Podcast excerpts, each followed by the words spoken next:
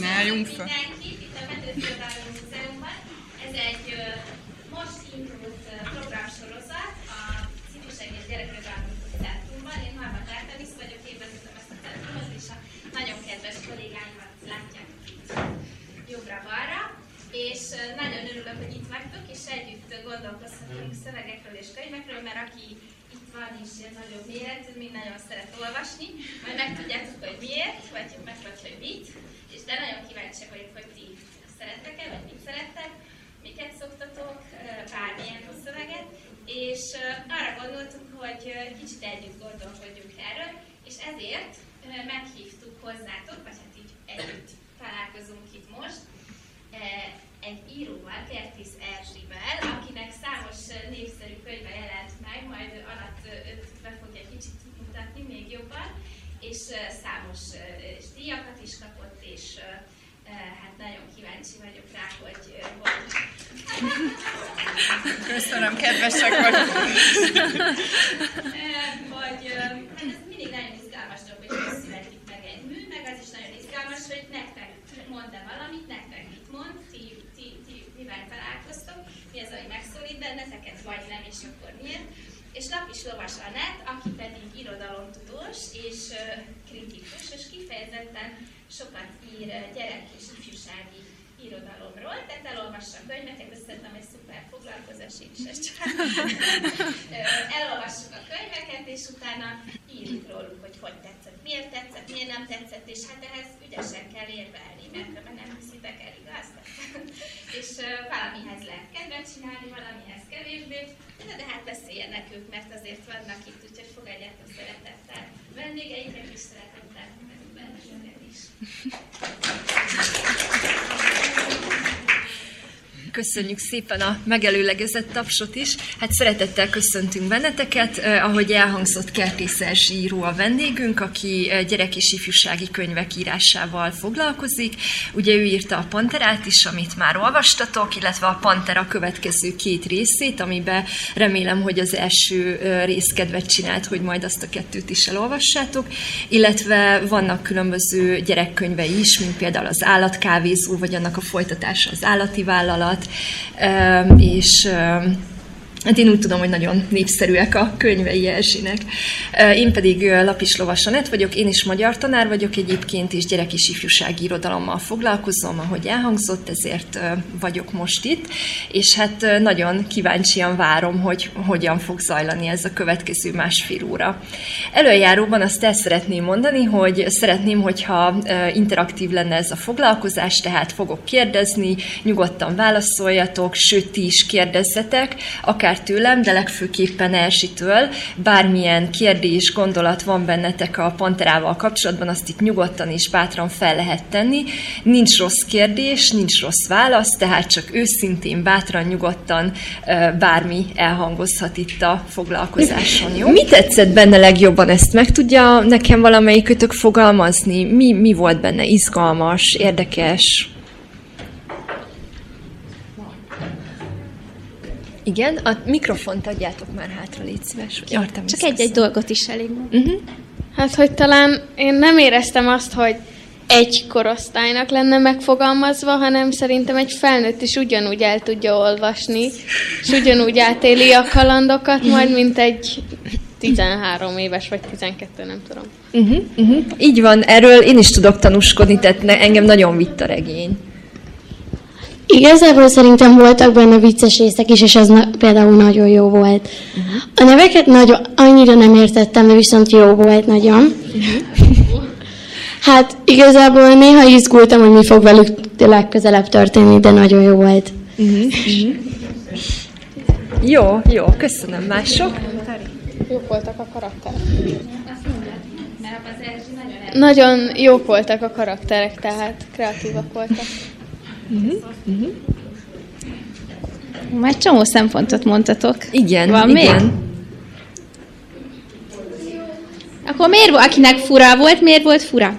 Vagy, jó, nem, az Hát én nem azt akarom mondani, hogy fura volt, de nekem azt tetszett, hogy ilyen új ökoszisztéma lett így kitalálva, és Mhm. olyan érdekes volt.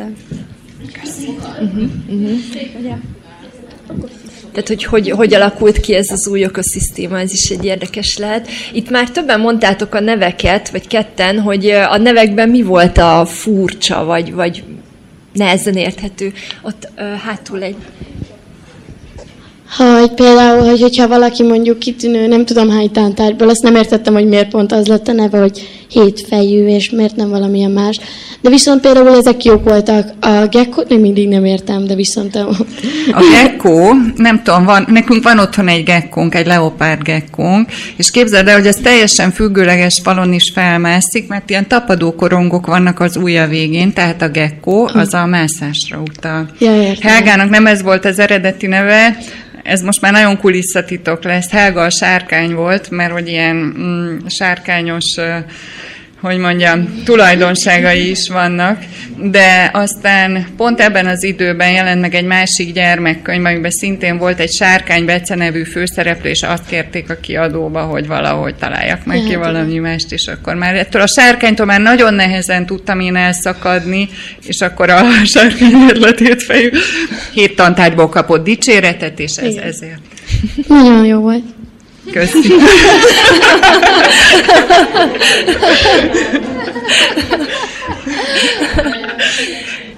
Jó, van-e még valaki, aki így szívesen elmondaná, hogy miért tetszett neki a regény? Mm, vagy ha nem innen, akkor közelítsük meg onnan, hogy esetleg voltak-e olyan részek, amik nektek egy kicsit leültek, tehát ahol unalmasabb lett, kicsit nem, nem vitt magával annyira a cselekmény. Volt-e ilyen? Hát ö, nem, még nem akarok megsérteni senkit, meg Ugyan, mondj egy hogy, nyugodt. hogy mikor voltak azok a, a részek, mikor a Noémi kint volt a, a hógömbön kívül, az nekem egy idő után kicsit ilyen, ilyen unalmasabb lett, és én már ugortam volna vissza a hegybe, de ez csak egyéni tényleg, szóval mm-hmm. nekem talán az. Jó, köszönjük. Gondolhatjátok, ez milyen hasznos a szerzőnek, hogy megtudhat ilyen. Igen, főleg azért, mert valaki meg azt mondja, hogy ő alig várta, hogy visszatérjünk a művelődési házba, ahol Noémi egyedül lopakodik az épületbe, már a hegy nem is érdekelte. Tehát, hogy ez nagyon egyéni tud lenni, hogy valaki az egyéni hősnek a bujkálását, vagy mondjuk az akciódúsabb hegymászást kedveli, nem véletlen, hogy 50-50 százalékba raktam bele, de teljesen elfogadható, hogy van, akinek ez jön be jobban, van, akinek az. Igen, igen. Többiek? Esetleg ehhez valamilyen hozzászólás vagy kérdés?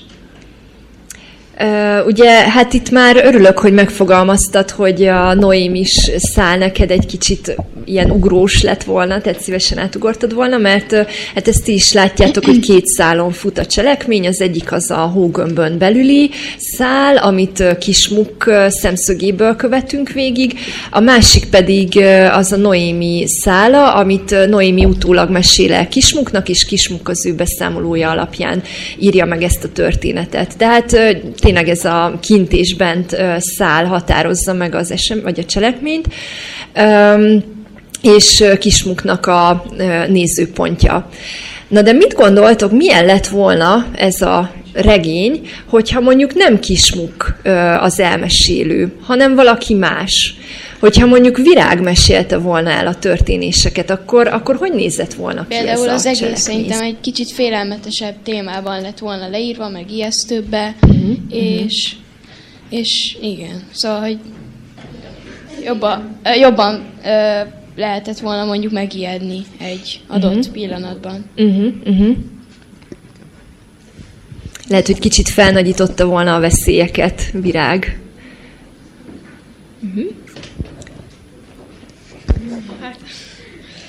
Szerintem Kismuk volt a legizgalmasabb karakter talán, ugyanis ő nem beszélt sokat, ezért ő mindent megfigyelt. Szóval én, itt, én, én őt tartottam a legjobbnak, szóval valószínű, hogy hogyha más, mondjuk Virág vagy Vince írja le, akkor teljesen más, hogy íródik a könyv. Uh-huh, uh-huh. És ez, ez, ez lett a legjobb út arra, hogy leírjuk. Vagy hát, hogy talán, talán ő a legjobb karakter uh-huh. számomra. Jó, köszönjük. Hát akkor itt a nézőpont már nem csak a rajzon jelenik meg, hanem ugye most már az irodalmi szövegben és a narrációban keletkező nézőpont, ez is egy nagyon megváltoztatja a szöveget, hogy a különböző nézőpontok. Igen, ehhez azt tenném még hozzá, hogy készült egy színdarab a könyvből, és ott el kellett engednem Kismuk nézőpontját, mert ugye a színpadon nem egy, hát úgy oldotta meg a rendező, hogy nem egy naplószerűen elmesélt történet, hanem gyakorlatilag kívülről látjuk ezt a sztorit, úgyhogy ott például nincs meg ez a súlyozás, ott minden gyereknek a szövege egyformán esik latba, és érdekes volt, hogy valahogy a hangulata is más lett a színdarabnak ettől, hogy nem a Kismuk meséli el de nagyon néha a Pécset jártok, nézzétek meg, szívből ajánlom a darabot. Jó. Hát van-e még valakinek esetleg ötlete a virág nézőpontjával kapcsolatban, hogyha ő írta volna meg? De hogyha nincsen, akkor folytassuk tovább a fantáziálást. Egy kicsit nem tudom, elgondolkoztatok-e rajta, hogy mi történt a Hógömbbel, mi történt Johnnyval, mi történt Rozikával, meg a recepcióssal. Tehát, hogyha tovább írnátok a történetet, akkor ez hogyan folytatódna, szerintetek?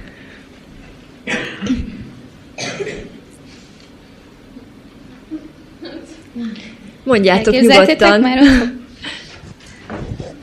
hát, szerintem, szerintem nagyon rossz volt Kismuk döntése hogy... A játék volt, arra igen, gondol? Igen, mm. mert hogy hát gondolom ő azért szerette valamennyire Rozikát, meg, meg, meg Mihályt, és mi van akkor, hogy, hogyha, hogy, hogyha ott bármi gond történik, vagy bedobozolják őket, akkor soha többé nem lesz napfény, meg ilyenek. Szóval szerintem inkább otthon kellett volna maradni a hógömnek. És akkor biztonságban van. Uh-huh, uh-huh. És imádkozunk, hogy Rozika és Mihály jól vannak, meg a sakálok. Reagálhatok röviden? Persze, hogy Képzeld el, hogy amikor én így ilyen kegyetlenül lezártam ezt a sztorit, akkor úgy volt, hogy még nem lesz folytatás, tehát hogy nem is gondolkodtam folytatásba, úgyhogy valami olyan véglegeset akartam, bár sokan ebbe se látták meg a véglegességet, hogy ez most már egy gyerekjáték, hanem már akkor úgy gondolták, hogy ez egy folytatásnak a bevezetése. Én meg úgy gondoltam, hogy itt a vége, és akkor nincs miről tovább beszélni, mert annyira eldugtam, hogy ennél jobban nem tudtam volna már elrejteni ezt a hegyet de lett folytatás végül. Uh-huh. Csak annyit, bocsánat, csak annyit fűznék hozzá, hogy nekem azért volt ez ilyen folytatásra hívó befejezés, mert ugye Johnny pici maradt, és akkor azt képzeltem, hogy a következőben akkor kiderül, hogy mi lett Johnnyval, hogy ilyen pici méretben tud-e tovább mesterkedni. Jó ráérzés, mert amikor elkezdtem a második részt, akkor először elkezdtem egy olyan szállat, hogy Johnny valamit csinál a kutya a bundájába kapaszkoda, tehát hogy így, így vissza akar uh, méreteződni, uh-huh, uh-huh. és aztán valamiért elengedtem ezt a történetet, de hogy uh-huh. ezzel kezdtem, ez volt az első gondolat. Uh-huh, uh-huh, uh-huh. Ugye ugye a Rozika meg a Mihály ott maradtak a hegyen, és ugye, hogyha jön egy gyerek mondjuk abba a boltba, és így megrázza a hógömbet, hogy kipróbálja, akkor ők valami nem tudom, hogy meghalnak, vagy ilyenek, akkor vagy megsebesülnek, vagy Belátom, hogy ez egy kegyetlen ötlet volt. Tehát én is, amikor írtam, arra gondoltam, hogy hú, hát ez, ez azért szem nem maradt szárazon itt a végén, hogy mi történhet ezekkel a szegényekkel, de valahogy akkor úgy éreztem, hogy ez a játék hógömb közé téve az igazi hegy, ez elég erős ötlet ahhoz, hogy én ezt így bevállaljam, és így lett.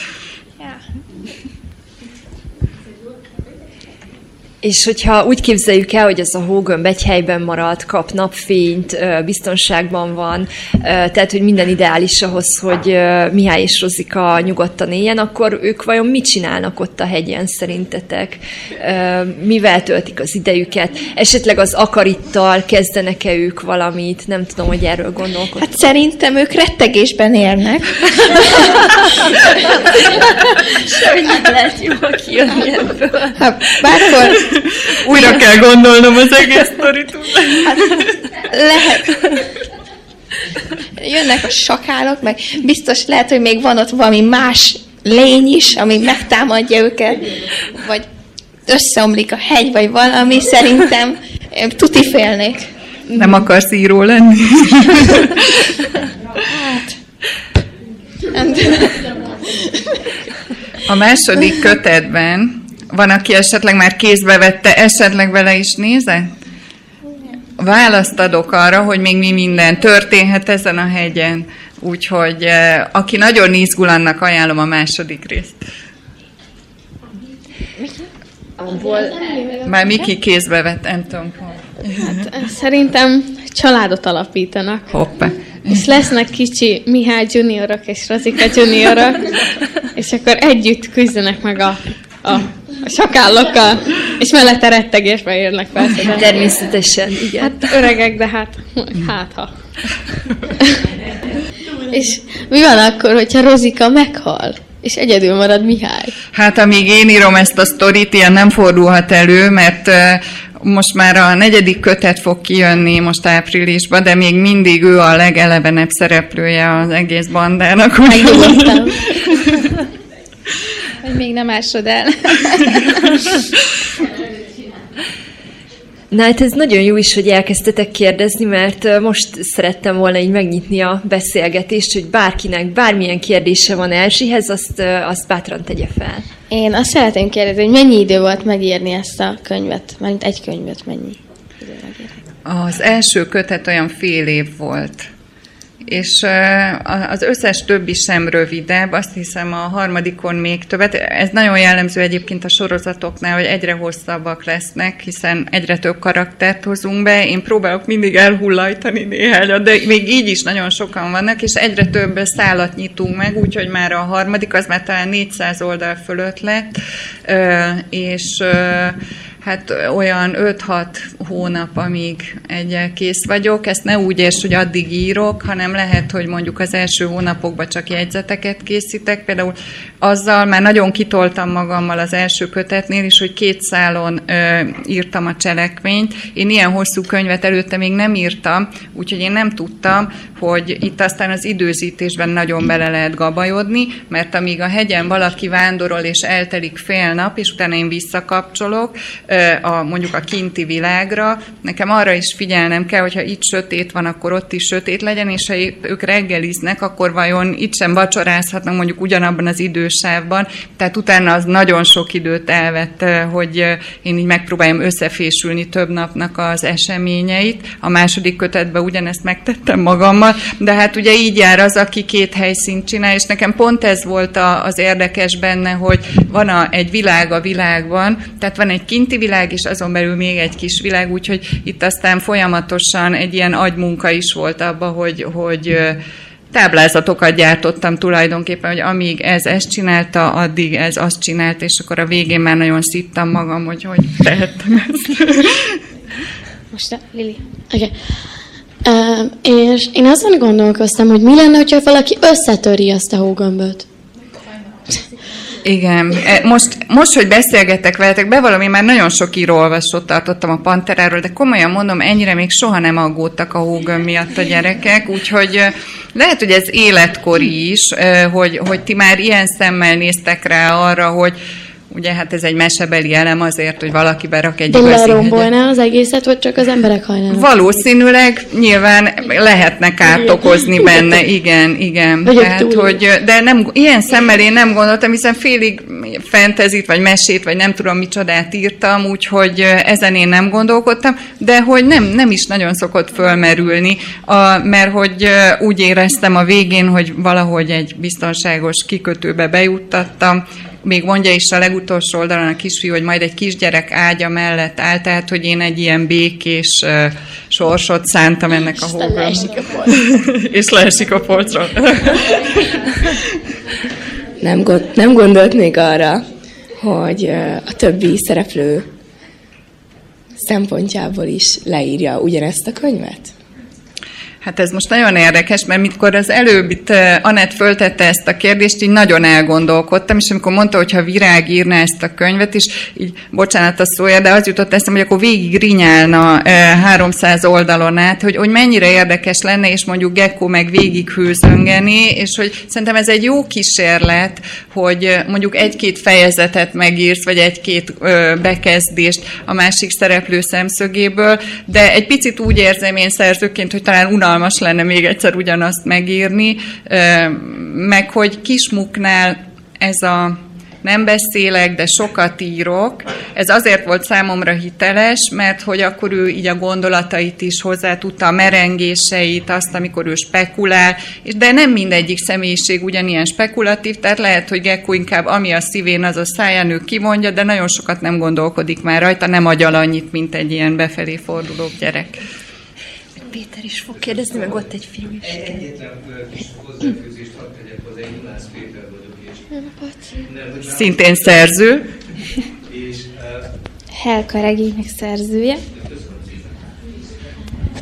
Szóval én Junász Péter vagyok, és ugye én is írtam egy-két könyvet, de amiért én most elkértem a mikrofon, mert kétszer vetettétek fel, meg más után is lehet, még többször, hogy másnak a szemszögéből látva ugyanazt a sztorit, hogyan néznek ki, és hát Erzsivel nem olyan régen... Ja persze, na mondd el Péter. Egy közös munkánk volt, meg még hatan másak szerzők, nyolcan írtunk Kár, egy történetet, a, a Talály ki című igen. Történetet, és abban az a játék zajlik, egy hasonló egy elképzelt helyzetben, egy ilyen szabaduló, szobaszerű sztori, hogy minden egyes fejezetben más-más szereplőnek a szemszögéből látjuk ennek a cselekménynek a folytatását. Akik osztálytársak, tehát ugyanazt a kalandot élik át nyolcan. És hát abban még volt egy olyan trükk, hogy ugye ezt úgy írtuk, hogy minden szerző külön-külön úgy írta a folytatást, hogy nem tudta, hogy az előző mit fog írni.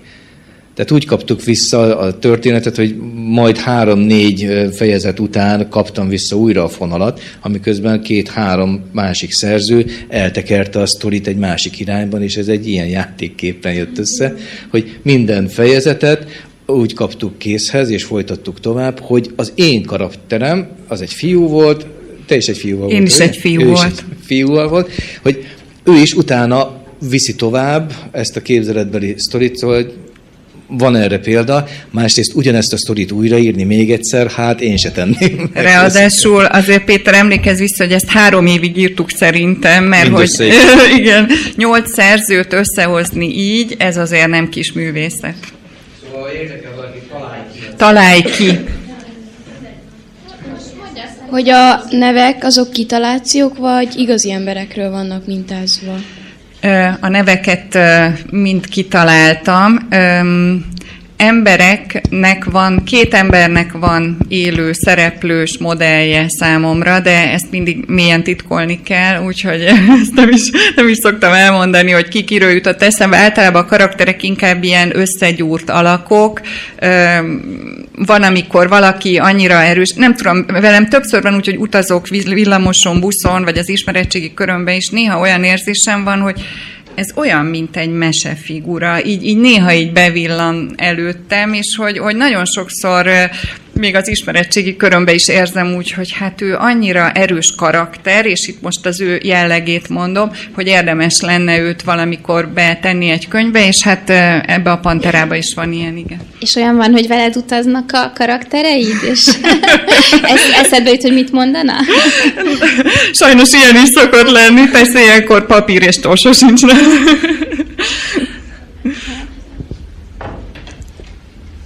Hát ez egy ilyen nagyon basic kérdés, de honnan jött az egésznek a, a, a története? Igen, tehát honnan inspirálódott, és hogy Köszönöm, ez a, ez hogy ezt megkérdezted.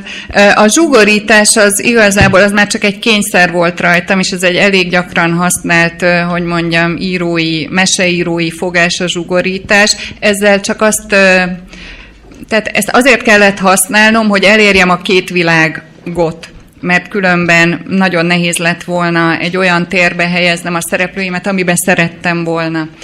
Um, de hogy a, a könyvnek van egy elég erős ilyen háttér alapja, engem a Pagony kiadó megkeresett, hogy van-e kedvem kalandregényt írni, gyerekeknek, tehát hogy, hogy azt mondták, hogy valahogy így hiány van ebből mai kortárs kalandregényből, ma már azért több van, de néhány éve még viszonylag kevés volt a piacon, és én képzeljétek el, hogy előtte nem sokkal olvastam, már nem tudom, hogy milyen magazinba, egy magashegyi hegymászó expedíciónak a történetét, de ez egy felnőtt expedíció volt, fényképekkel illusztrálták, azt hiszem három férfi és két nő indult el valahol Ázsiában egy 7000-es csúcs meghódítására, és ez egy sikertelen expedíció volt, vissza kellett fordulniuk.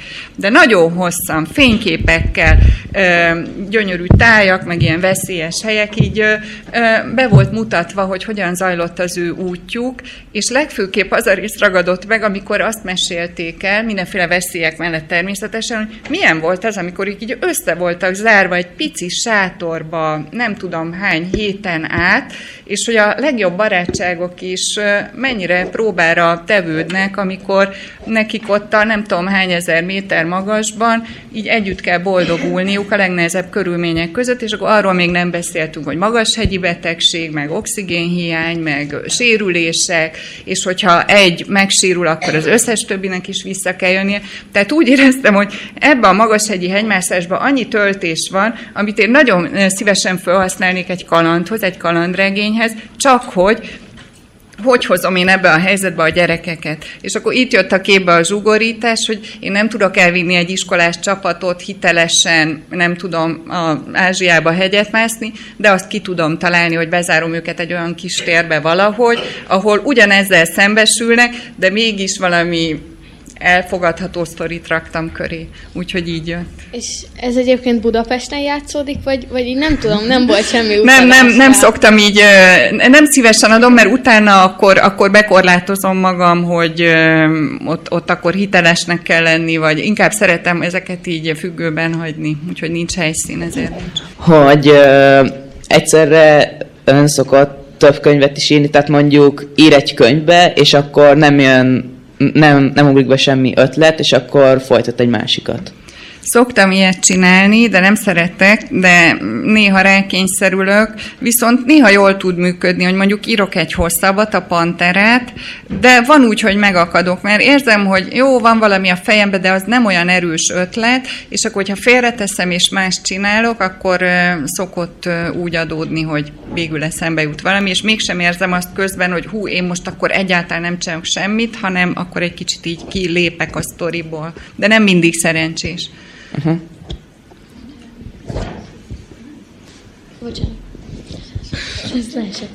Valaha eszébe jutott, hogy egy gyerekkel írjon együtt, hogy megkérdezze a gyerektől a véleményt, és akkor azt írja le karakterek, történet.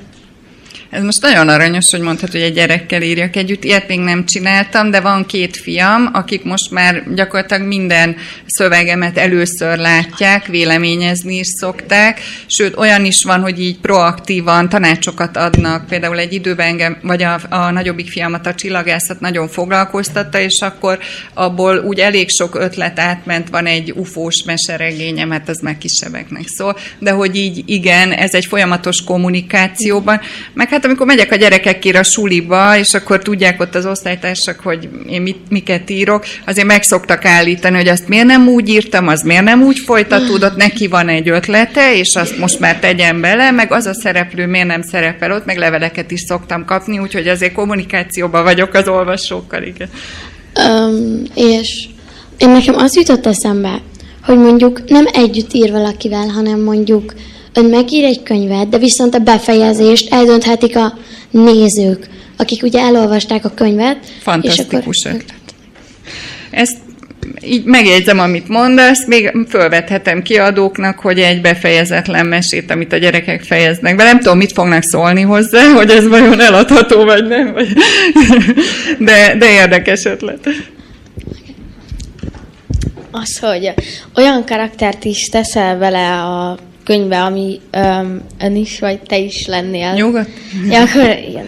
Tehát, hogy van-e olyan szereplő, amiben mondjuk te is lennél, igen, igen. Persze, természetesen. Én, én sokszor érzem azt, hogy mindegyikben ott vagyok egy kicsit. Például a kismuk naplóírásra, én mondjuk tizenévesen, tudom, ez ma már nem olyan nagy divat, de hogy én írtam naplót. És hogy végül is ezt 20 valány éves koromig folytattam, és nagyon sok vastag napló, amit utána elégettem, képzeljétek. De hogy, hogy az ő naplóírásában megjelentem én is, igen. Tényleg? Papíron vagy ilyen blogszerű? Füzetben. Na, hát ez nagyon jó előkészítés egy későbbi írói munkához. Na, mi van, hogyha ennek most a Mihály Rozikaitai összejöttek, Aha. de mi van, hogyha nem jön össze? Szóval, hogy, hogy, hogy mégsem, mégsem. Ha megrodjan a kapcsolat, e- Igen. ebbe a második részbe eléggé kitágítom itt a lehetőségeiket, úgyhogy most már mindenképp el kell olvasnod, mert látom, hogy az ő sorsuk foglalkoztatik. és, és így a Rozika most így a Hoganba, akkor nem tud elmenni, ott ragadt örökre, nem? Most mondjam el? Igen. nem ragadott örökre. Közben eszembe jutott, Igen? hogy Örülök. hogy jött a ötlet, hogy a hegyet Panterának nevezel? Ismét egy jó kérdés. Annyira, ez volt a legnehezebb, ez volt a leges legutolsó pillanat, hogy mi lesz a könyv címe, és hát nem is gondolkoztunk igazából addig ezen, hogy hogy hívják a hegyet, én hegynek hívtam, meg sziklának, meg nem tudom micsodának, és aztán az volt az eredeti cím, hogy a hógömb fogságában, de mondta a kiadóm, és ők ugye jobban értenek ehhez, hogy hát kéne valami hangzatosabb, ütősebb cím, és akkor gondoltam, hogy akkor legyen ez a hegy neve, de milyen nevet találja ki a hegynek, és én szeretem az ilyen kicsit misztikusabb, meg, meg olyan a többet mondó elnevezéseket, és tudjátok-e, hogy mi a pantera? Te tudod latin szó, és egyébként párducot jelent valóban, és uh, akkor ezt utólag írtam hozzá, hogy olyan párduc alakú a szikla uh, a tetején, és vagy párduc álkapocs formájú, és akkor ez úgy, úgy ütött ez a pantera. Egyébként a nem tudom, hanyas években, lehet, hogy Péter tudja, volt egy milyen metálzenekar, aminek pantera volt. De ezt ti már biztos nem tudjátok, de mi még hallottunk róla. Én nem ismerem a zenéjüket, de hogy Figyelj, meg, meg is kérdezték tőlem többen, hogy nem fél, félek attól, hogy majd összekeverik, és akkor azt mondták a kiadóba, hogy hát a mai gyerekek ezt nem fogják így összemosni, hogy akkor a Pantera zenekar, meg a, a Pantera regény. Hogy miért lett ez a címe? kikerülted a vállat, Hogy miért a Pantera lett a címe? Hát azért, mert a hegy neve, nevét akartuk, és a hegy nevénél, a Panteránál végül mindenki megelégett. Tehát mindenki úgy érezte, hogy ez egy jól hangzó szó. De ez egy ez csapatmunka volt ez a cím.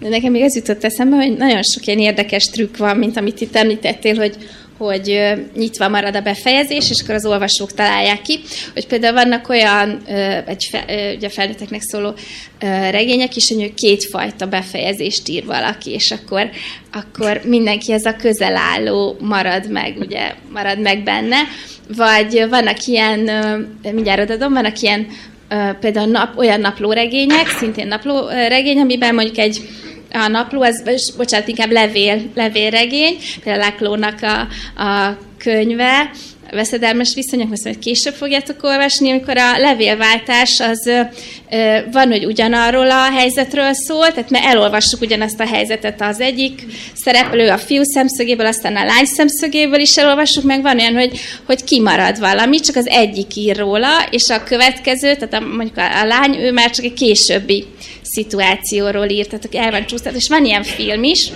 hogy teljesen két, egy fiúnak meg egy lánynak a szemszögéből látjuk a történetet, és nem mindig ugyanazt a helyzetet, de van, hogy, vagy van, hogy közös helyzetet. Hogy ugye, ez az akarit, ez, hogy ez így mi, mennyire értékes, hogy mennyit kérnek érte. Vagy, hú. Direkt azért hoztam be egy olyan ásványt, aminek így közel távol nincs rokona, vagy csak az akarnak a végére odaraktam, hogy itt, mert van ilyen, hogy fluorit, meg milyen ásványok vannak, még segítsetek, aminek magnetit, meg ilyen végű ásványok, és hogy Tessék, andezit. Tehát, hogy direkt olyat akartam, ami, amit nem találtak még meg, nem, nem, nem hasonlítható semmihez, hogy akkor így abszolútizálhassam, hogy ez a világ leg, jelenleg lévő legértékesebb anyaga. Úgyhogy ez egy valóban egy mesei elem benne. Nem tudnék neked árat mondani. hogy mondjuk, hogy van ugye egy szereplő, és mondjuk, hogy a következő cselekmény, amit meg fog csinálni, vagy cselekvés, az mondjuk, hogy két választása van a nézőnek, vagy nem tudom, és mondjuk bekarikázza, vagy aláhúzza, amit szeretné, és akkor úgy le van írva két részben, és ez... Ilyenek igen. vannak, ez a kalandjáték kockázat. Most van a a legutóbb az Éjszaka az állatkertben, ami így jelent meg, az nem tudom, hogy a ti korosztályotok én sajnos nem olvastam, de hogy az is ilyen, ha erre mész, ezt választ, ha arra mész, azt választ, de ott nem te írod, ott nem te vagy a hiperkreatív, mert ott mindig van egy, Igen. szerintem az nagyon izgalmas, amikor még a végét is megírod. Igen, megírod a kicsit kisebbeknek szól a Varó Danielnek a, ja, a tényleg, a Varó. Az igen. egy kalandjáték kockázat, így hívják a műfajt könyv, és hát mondjuk az én fiam háromszor velem, kétszer meg magától végigment úgy a történeten, hogy ott ugye attól függ, hogy mit választasz egy verszak végén, mert verses ráadásul, odaírja a verszakszámot, hogyha ezt választod, ide ugorjál, ha azt választod, oda. És meg is lehet halni, szóval nem izgalmas. Igen, meg kell szerezni egy csomó mindent ahhoz, hogy sikerüljön felszabadítani a szülőket az átok alól, akik gyermeteggé válnak, teljesen megbolondulnak, és akkor azért indul el a kis hős viking vitéz, hogy a szüleit megszabadítsa a leprikónak átka alól. És hát ugye vannak ilyen felnőtteknek szóló kalandjáték kockázatok is, ilyen krimi jellegűek. Nekem két kérdésem van. Igen, figyelj. Az előző az egy teljesen felesleges kérdés, de hogy... Nem baj, mondd, mondd el azt. Miért pont MOPS lett a, a, a nemeresznek a fajtája? Most megint bevallok valamit, olyan jókat kérdeztek. Az én fejemben nem volt konkrét ebb, és az, hogy ez pont MOPS lett, én ezt csak utána tudtam meg, hogy ez a bizonyos kutya a MOPS, ez Barbinak köszönhető, az illusztrátornak, aki egy MOPSot rajzolt. Én, bennem csak annyi volt, hogy egy kis termetű kutya, ő meg lerajzolt egy MOPSot, úgy látszik ez állt közel a szívéhez. És hogy ön milyen könyveket olvas? Tehát, hogy... Hát, bevallom, neked őszintén, hogy nekem nagyon kevés időm van olvasni, van két gyermekem, és nagyon sokat írok. Az elmúlt években, hát olyan, olyan 8 éve kezdtem az írást, és 30 könyvem van már, ebben vannak nagyon rövid könyvek is, tehát hogy így, de hogy igazából próbálok lépést tartani a kortárs irodalommal, és nagyon sok gyerekirodalmat olvasok, de abból is kortársat, de azt nem csak azért, mert hogy szakmailag érdekel, hanem azért is, mert azt olvasom föl a gyerekeimnek esti meseként, meg most már önállóan is olvasnak, de azért nagyon szeretik hallgatni, hogyha mi olvassuk fel nekik.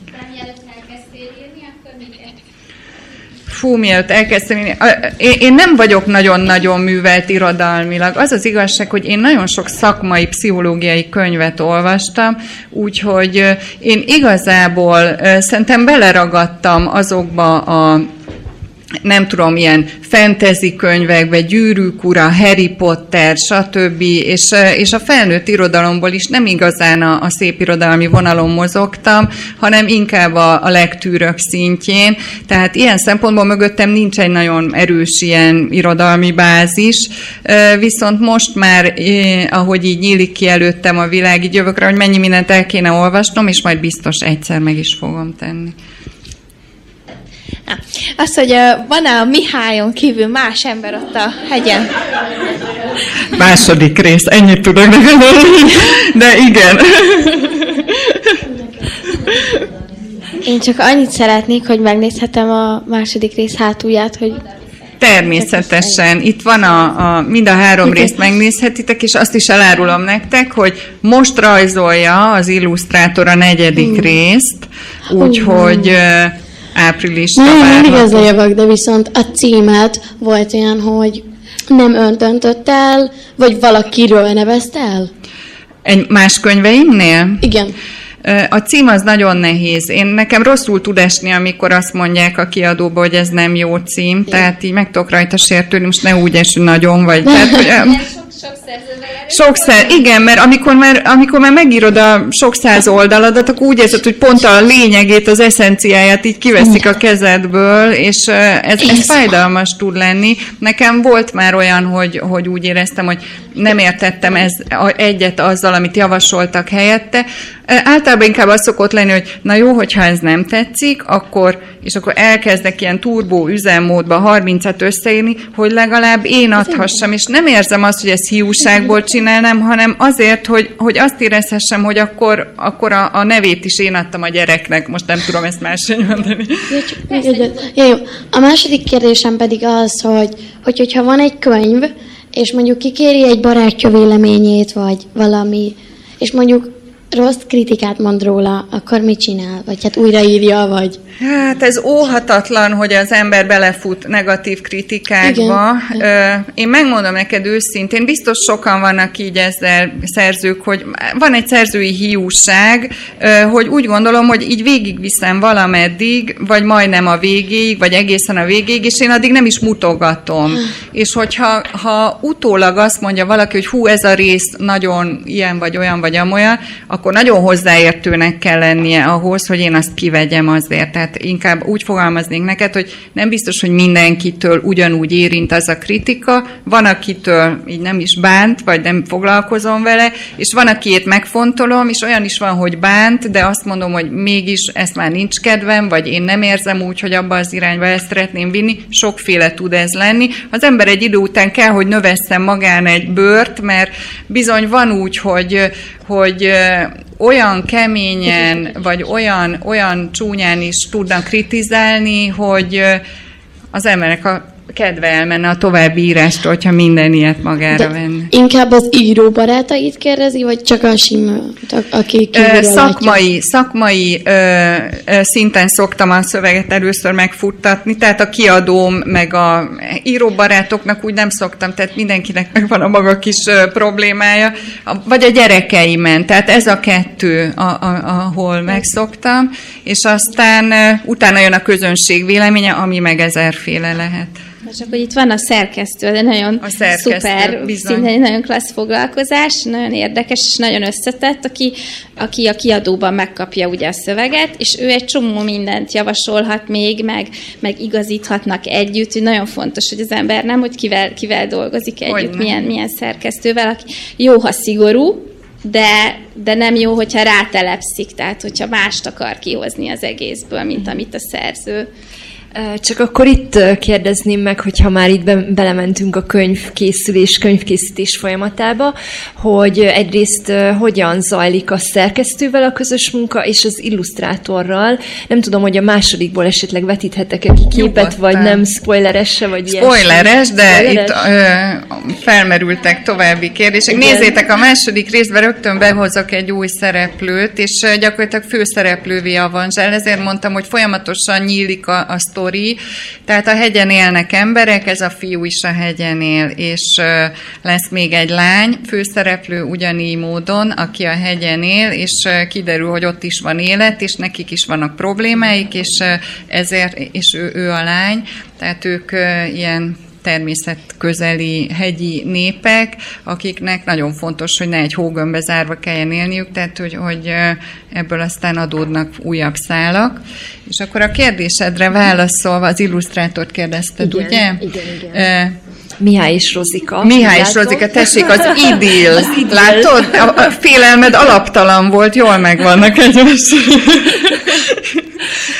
hogy az illusztrátorra térve, én már legalább 6-8 emberrel dolgoztam együtt, és azt mondhatom, hogy mint minden emberi kapcsolat, ez is mindig más, illetve az is, hogy az illusztrátorok, ugye hát ők művészek, ők hogyan szeretnek dolgozni. És nekem a Barbival azért van nagyon nagy szerencsém, mert hogy ő őt érdekli, hogy mi van az én fejembe. Ezzel nincs mindenki így, de nem is kell mindenkinek így lennie, tehát amikor megkapják a szöveget, van, aki úgy dolgozik, hogy a, ahogy ő elképzeli, viszont Barbinak fontos, hogy én hogy képzelem el, és ö, többször úgy csináljuk, hogy leülünk együtt, és ö, ő megmutat karakterrajzokat, csak ceruza rajz az ő kis naplójába, hogy ő nagyjából így képzeli ezt a szereplőt, meg azt, meg amazt, és például konkrét példa Rozika, hogy mondja nekem, amikor elkezdte, rajzolt egy kontyos nénit, és így mondtam neki, hogy figyelj Barbi, nagyon jó a, a rajzod, de nekem annyira ez a, ez a göndör, ősz, dajerolt haj van előttem, hogy, és akkor ő simán átrajzolt, tehát nem veszi zokon, hogy,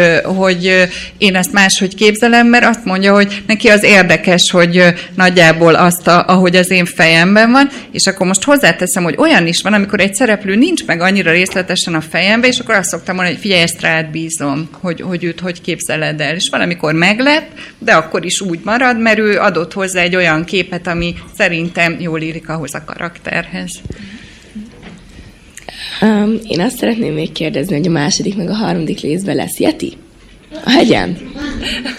Fú, Yeti nem, de mindenféle ilyen titokzatos alakok lesznek.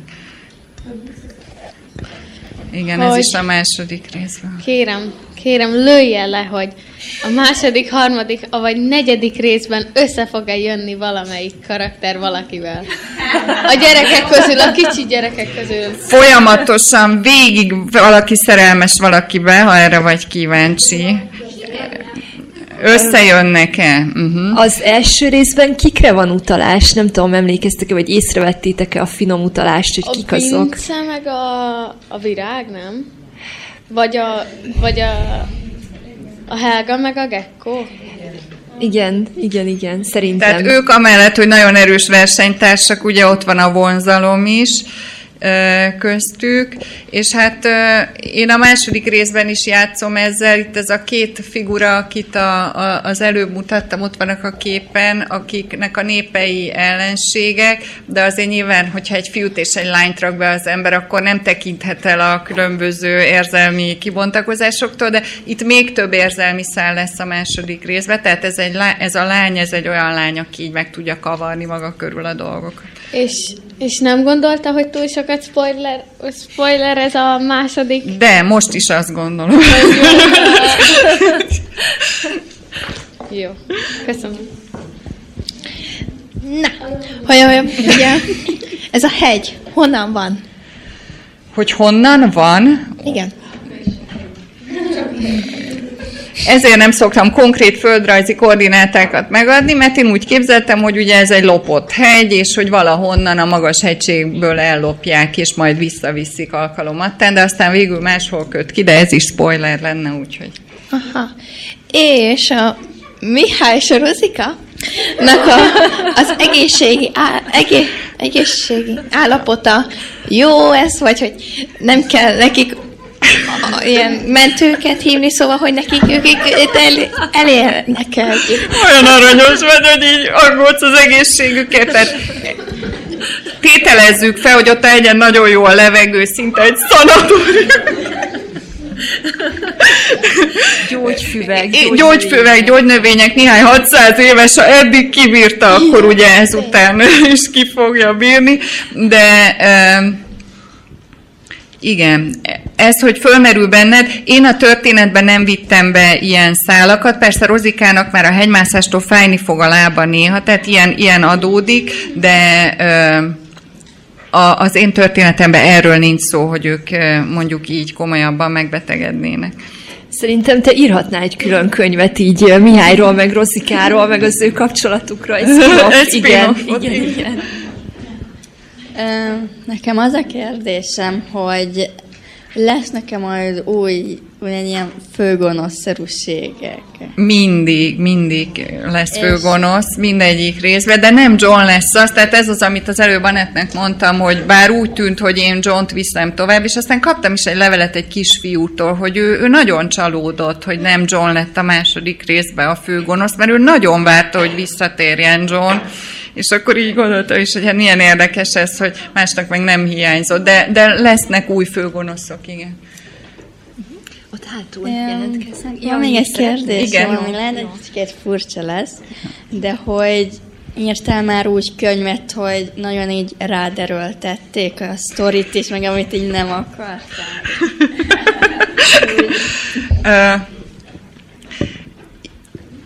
Igen. De, ö, Az a helyzet, és ezt most így őszintén mondom el nektek, tehát hogy ez nem titok, minden, minden életkorban, vagy azt mondom, minden korszakban vannak sláger témák, sláger karakterek, vagy jól eladható könyvek, és hogy előbb-utóbb egy szerző, egy gyerekszerző is, azt nem tudom, hogy felnőtt szerzők belefutnak-e, vagy nem, ott meg nagyon aktuálisnak kell lenni, gondolom mindig, de hogy, hogy belefut abba, hogy bár lehet, hogy a fejébe van háromféle sztori, de lehet, hogy a, a kiadók meg azt mondják, hogy figyelj, most egy olyan könyv lenne jó, végül is a Pantera is így született, hogy azt mondják nekem, hogy most egy kalandregény lenne jó. Ez nem volt nagyon erőltetés, de hogy, hogy van, van ennél még szűkebb is, hogy ez a könyv szóljon az ovíról és a beilleszkedési és tehát van ilyen, igen. Aztán az ember dönthet úgy, hogy nem vállalja el, nyilván ez mindig adott, de hogy vannak olyan meghatározó témák és, és történetek, amikre mondjuk úgy, hogy van egy kis nyomás az írók felé, ha ezt bevállalják, de nem muszáj természetesen. Én azt szeretném kérdezni, hogy ön eddig hány könyvet írt meg? Hú, e, ez a 30, ezt most így körülbelül mondta, most is folyamatban van, vagy három-négy, ami még vagy rajzolnak, vagy én írok, de körülbelül ez a mennyiség. Ebben olyan is van, és úgy 30 hogy minden oldalon van két mondat, meg egy nagyobb rajz, mert az mondjuk kezdő olvasóknak szól. És én azt szeretném kérdezni, hogy önnek meg a kedvence? Az összes könyvemből? Igen. Hát mindig a legelsőt szoktam mondani, mert azzal indultam el, de az egy nagyon kevéssé népszerű könyv, tehát hogy nagyon kevesen olvasták. Az is egy meseregény, az a cím, hogy Labirintó, egy ilyen bolyongás történet, és hogy igazából ott szabadult ki belőlem az, hogy én akár ilyen kitalált történetekkel is dolgozhatnék. Előtte nem volt erre példa, vagy nem készültem arra, hogy ilyesmit fogok csinálni, és azért azt szoktam említeni kedvencként. Mind a ketten jelentkeztek. Az lenne a kérdésem, hogy van-e olyan könyve, amit nem szeret? olyan biztos, hogy van, hogy részleteit máshogy írnám meg, vagy én például képzeld el, hogy nem szeretem hallgatni, amikor a könyveimből felolvasnak, a mondjuk lett hangos könyv valamelyik könyvemből, hogyha mondjuk a gyerekeim hallgatják, kimegyek a szobába, mert nem szeretem hallgatni. Nekem az nagyon furcsa a, a saját szövegemet hallgatni, és olyan is szokott lenni, hogy hú, ezt máshogy kellett volna megírni, vagy ma már máshogy írnám meg, máshogy fogalmaznék, máshogy vinném a történetszálat, de nem szoktam túl sok időt önkritikával eltölteni, bevallom neked, mert hogyha meg nagyon elkezdem így, így nézni magam, az úgy érzem, hogy nagyon gátolna a továbbiakba. Én úgy látom, ahogy ránéztem itt az időre, hogy még két kérdésre van szerintem idő, és utána sajnos le kell majd zárjuk a beszélgetést. Oké, okay, akkor nagyon gyorsan kell kérdezem.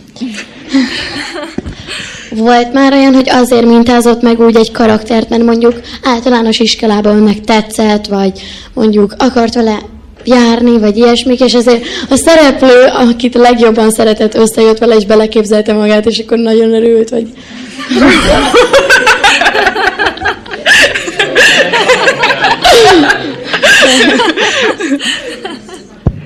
Ö, igen, ö, vannak, tehát, hogy a régi szerelmek, a, a, a, akik az emberbe úgy élnek, mint hogy hú, ez a fiú nagyon tetszett nekem, megjelenhetnek karakterrekben, meg is jelennek, de soha nem egy az egyben, tehát, hogy mindig azért a történet, a körülmények egy kicsit máshová, máshogy alakítják. Én úgy érzem, hogy magamat sem szoktam egy az egybe belerakni egy-egy lányba, Például mondjuk itt, itt a második részben ugye bejön egy újabb lány, és akkor, de ott lesz még Noémi is, aki ugye az első részből van, és akkor nagyon sokszor úgy éreztem, ez a két lány sokat szerepel a második részben, amikor ezt a két lányt írtam, hogy így a lelkem egyik része az egyikbe van benne, a másik a másikba, de hogy mind a ke- holott ők abszolút nincsenek jóba, és milyen érdekes, hogy mégis mind a kettőbe tudom érezni Igen. magam.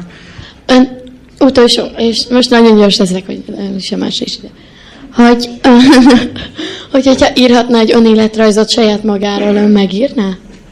Vagy megkérne Képzeld el, hogy valamiért én annyira nem szeretek magamról beszélni, szívesen beszélek magamról, de mondjuk így, ahogy beszélgetünk a könyveimen keresztül. De az, hogy én most fölidézek konkrét sztorikat az életemből, ez valamiért nem foglalkoztat. Talán azért, mert amikor kinyitok ilyen világokat, abba talán sokkal több mindent meg tudok élni, mint az, hogy én nem tudom, hova jártam iskolába. De lehet, hogy egyszer majd megírom, de valahogy most jelenleg nem foglalkoztat hogy ugye mondta, hogy nem akart második részt, vagy hát nem gondolta, hogy lesz belőle. És akkor gondolom, hogy ez nagy sikert aratott, és hogy milyen érzések voltak önbe, vagy hogy hogy fogadta ezt az egészet, hogy lesz második rész akkor, vagy bármi, hogy hogyan. Nagyon meglepődtem, tehát, hogy előtte is voltak már könyveim, de az első igazán nagy számban fogyó könyvem ez volt, mert hogy valószínűleg jól érzett rá a kiadó arra, hogy volt itt egy hiány, hogy ilyen kalandos sztori ennek a korosztálynak mai nem sok volt. És ez engem nagyon meglepett, inspirált is, és folyamatosan ezek az író-olvasó találkozók is inspirálnak, mert ahogy így beszélgettünk, és olyan jókat mondtok, így olyan dolgokat kapcsoltok be bennem, amikre lehet, hogy nem is gondolnék, de lehet, hogy egy következő könyve már ott lesz, tehát ez egy, egy folyamat tud ezzel lenni. Egyébként én már, amikor láttam az első szöveg kéziratát, nekem már akkor mondták a kiadóba, hogy figyelj, ezt folytassuk, tehát akkor még nem is tudtam a nézőknek a reakcióját, de már, már ott volt bennem, hogy akkor valahogy folytatni kéne. Ez, Ez nem egy kérdés. Ez nem kérdés, jó hanem hogy, hogyha használja az ötleteinket, akkor elmondja, hogy mi adtuk az ötleteket? Hát ö, mindenképp a nevedet fölül. hogyha nagyon konkrét ötlet lenne, akkor biztos, hogy megkeresném, akitől az ötlet származik. A, azt, azt, hogy használom az ötleteiteket, ne úgy érts, hogy most egy az egybe a mondataidat beírom, hanem lehet, hogy megindít bennem egy, egy gondolkodást, és akkor valahogy beépítem. Oké, okay, köszönöm. Mégis, ha inspiráltam, írjam meg de ha szerzői jogi díjra tartasz igényt, akkor gyere, add meg az adatait. hogy mit, mitől ilyen varázslatos ez a hegy, hogy vannak ott ilyen állatok, szóval... Mihály... Erre, hogy mondjak még egy mondatot, ez az a korosztály, és én azért szeretem ezt a korosztálynak szóló könyveket, amikor még nem utálják a mesét, még nem mondják azt, hogy fúj, e, én csak re- reális történeteket vagyok hajlandó elolvasni, tehát, hogy itt azért jó írni, mert egyrészt lehet igaz, amit írok, és a másik része meg lehet kitalált, és mégsem hajintják ki az ablakon, hogy ez csak egy mese. De hát ezek ilyen nem mesterséges állatok, szóval hogy nem, nem mesterségesek, teljesen igazi sakkálok.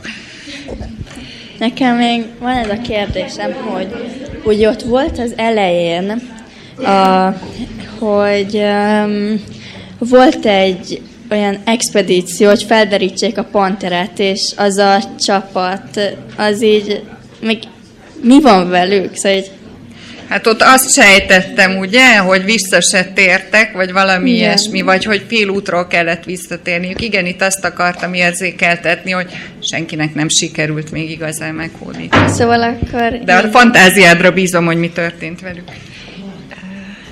Uh-huh. Hát, jó. hát szerintem sajnos én úgy nézem, hogy ez volt a záró kérdés. Nagyon remélem... köszönöm a kérdéseiteket, szuperek Nagyon, nagyon, tehát így van.